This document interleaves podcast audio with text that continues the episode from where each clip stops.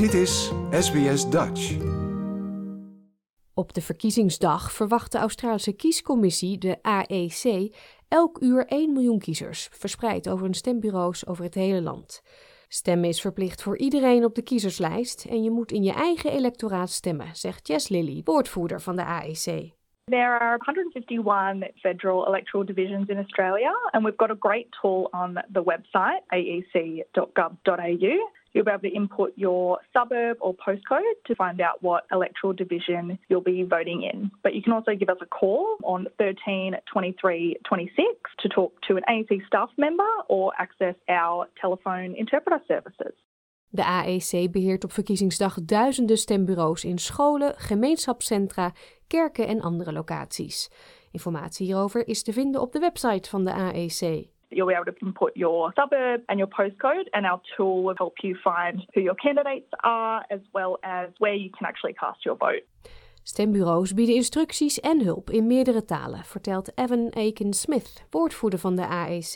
You can get somebody to assist you to cast your vote. We actually have interpreting service via telephone that you can access. So if you think you'll need to access these sorts of services, there's a number on our website, aec.gov.au slash translated. You call up that number and you'll be able to ask questions and have somebody in language instruct you as to how to cast a formal vote. Mobiele teams bezoeken ook kiezers in woonzorgcentra en afgelegen gemeenschappen, om er zo voor te zorgen dat iedereen zijn stem kan uitbrengen. Kiezers die op de dag van de verkiezingen niet in de gelegenheid zijn om naar een stembureau te gaan, kunnen op andere manieren stemmen. If you have a barrier to voting on election day, there are early voting centres in the weeks leading up to polling day. And likewise, if you're unable to get to an early voting centre, you can cast a postal vote as well. Het aanvragen van een stemming per brief moet op de website van de AEC, al dus Jess Lilly. This year it's going to be really open for postal voting given the COVID circumstances. We'll also have that postal vote application for people who don't feel comfortable going to a polling place or live remotely or working remotely and need to access those postal voting services.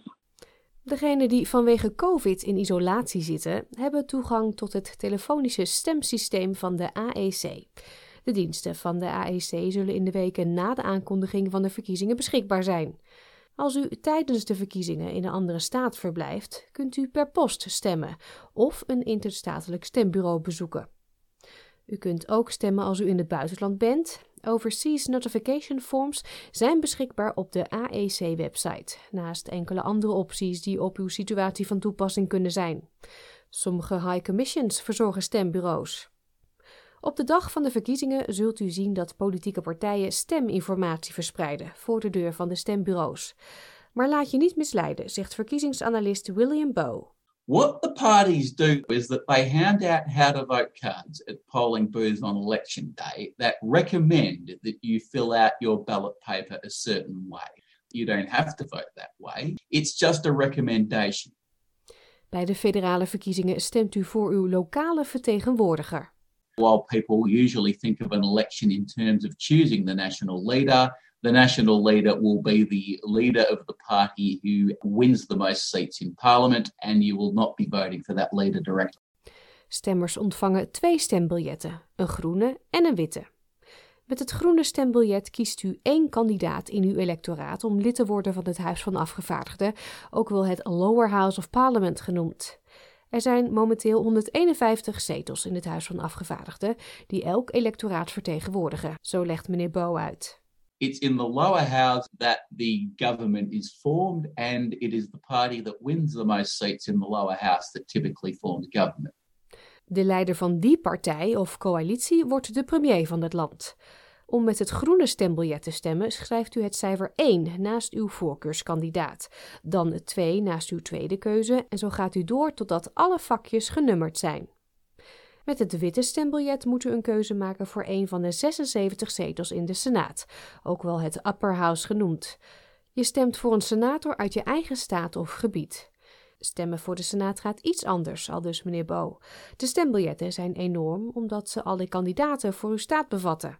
But voting can be quite simple because there are two different ways you can do it. There are boxes above the line and boxes below the line. Boxes above the line, there are one for each party. The quickest and simplest way to vote is to pick your six favourite parties and number them in order of your preference from one to six. If you are particular about which candidates you want to vote for, you can number a lot more boxes below the line. If you vote below the line, you have to number at least 12 boxes. Dit stemsysteem wordt voorkeurstemmen genoemd. Door de vakjes in de door u gewenste volgorde te nummeren, krijgt uw stem meer gewicht, legt Bo uit. The seat is not simply won by the candidate who gets the most crosses next to their boxes on the ballot papers. You have to get 50% of the vote in order to win the seat. If nobody gets 50% of the vote, then you exclude the last place candidates. You look at those ballot papers again, and then you move those votes on to whoever they put second.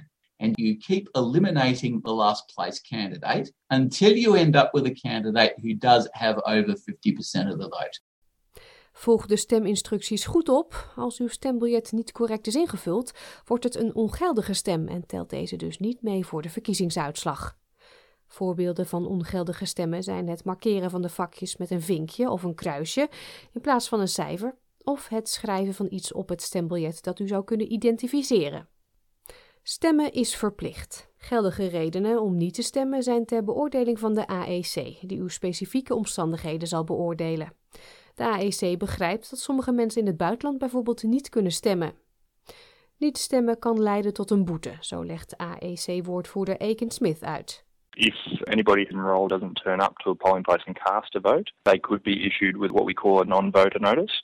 If you have a valid reason, that's fine. You just let us know. Otherwise, you have to pay the $20 fine. And if we don't get a response from that non-voter notice, it could end up in court with a $170 fee and associated court costs.